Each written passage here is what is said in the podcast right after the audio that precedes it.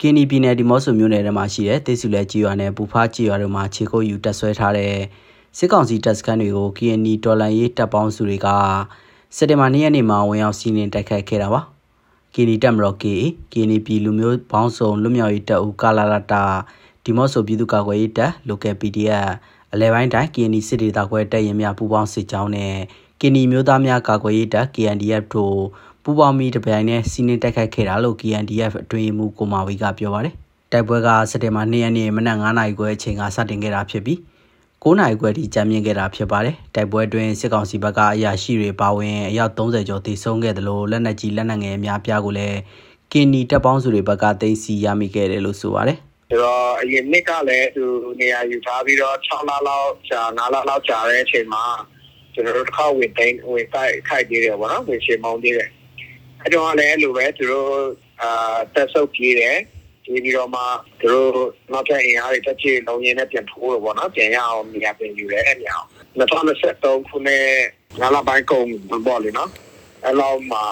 ခမန်တော့ခမန်ပါပဲเนาะအထူးကြတော့ကျွန်တော်လည်းမပြောတတ်ဘူးတမ66နေရာယူထားတဲ့နေရာကိုစကခနေကလာပြီးစားထိုးတယ်စကခနေခရရကိုပါဘောနော်ဆိုတော့ခလာရကိုကအဲ့ဒီမှာရောက်နေတာကတော့နေလာလောက်ရှိသွားပြီပေါ့လေနော်နေလာလောက်ရှိသွားတော့အခုအဲ့ဒီနေရာကိုကျွန်တော်ထပ်ပြီးတော့မှဝင်ရောက်ချိန်မောင်းနဲ့အချိန်နေပါစကခနေနဲ့အောက်ခံခလာရကိုကချိန်မောင်းခံရတာဖြစ်တယ်ဒါဒီတက္ကချဆုံးများစွာနဲ့ဒီကိုင်းမှုများစွာနဲ့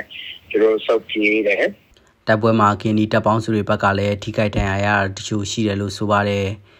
စစ်ကောင်စီဘက်ကတော့အရေးကြီးတဲ့အဲ့ဒီခြေကုပ်စခန်းတွေကိုပြန်လည်ရရှိဖို့အတွက်အင်အားသုံးပြီးထိုးစစ်ပြန်ဆင်နေတယ်လို့သိရပါတယ်ဒီနေရာကစစ်ကောင်စီရဲ့ရေးပါတဲ့နေရာလဲဖြစ်ကောင်းဖြစ်နေတယ်ဘာဖြစ်လဲဆိုတော့သူတို့စုပ်ပြေးပြီးချက်ချင်းမဲ့ဟိုအင်အားတွေပြန်ဖြည့်ချားနေအားတွေပြန်ဟိုလောက်ပြီးတော့မှအင်အားများစွာနဲ့လုံရင်းနဲ့ပြန်ပြီးတော့ဝင်ရောက်ပြီးတော့မှသူတို့လောင်းတွေဆွဲဖို့လုပ်တယ်တဲဖို့လုပ်တယ်ပြန်ထိုးတယ်ပေါ့လေနော်ဆိုတော့ကျွန်တော်တို့ရဲ့ စိတ်ကစားမှုပုံစံတိုင်းနဲ့ကျွန်တော်တို့ကတော့ဒီလိုပဲဟိုဒိုလာဆောလိုက်ဒိုလာဆောလိုက်ဆိုတဲ့ဟာမျိုးနဲ့ပဲကျွန်တော်တို့လုပ်တယ်အဲ့တော့ကျွန်တော်တို့ကလည်းခိကမှုချိုးတော့ရှိတယ်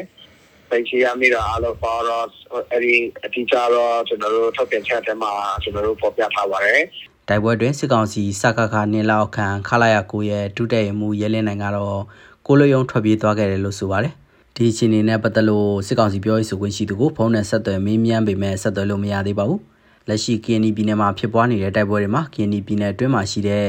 တော်လိုင်းအင်အားစုတွေကမိန့်ပေးညွှန်ကြားမှုတစ်ခုရဲ့အောက်ကနေတပ်ပေါင်းစုတစ်ခုအနေနဲ့လှုပ်ရှားနေကြတာဖြစ်ပြီးစူးစီးမှုအကောင်းလာပြီလို့လည်းတပ်ပေါင်းစုတွေဘက်ကပြောဆိုပါတယ်ကျွန်တော်ထားအောင်ပါ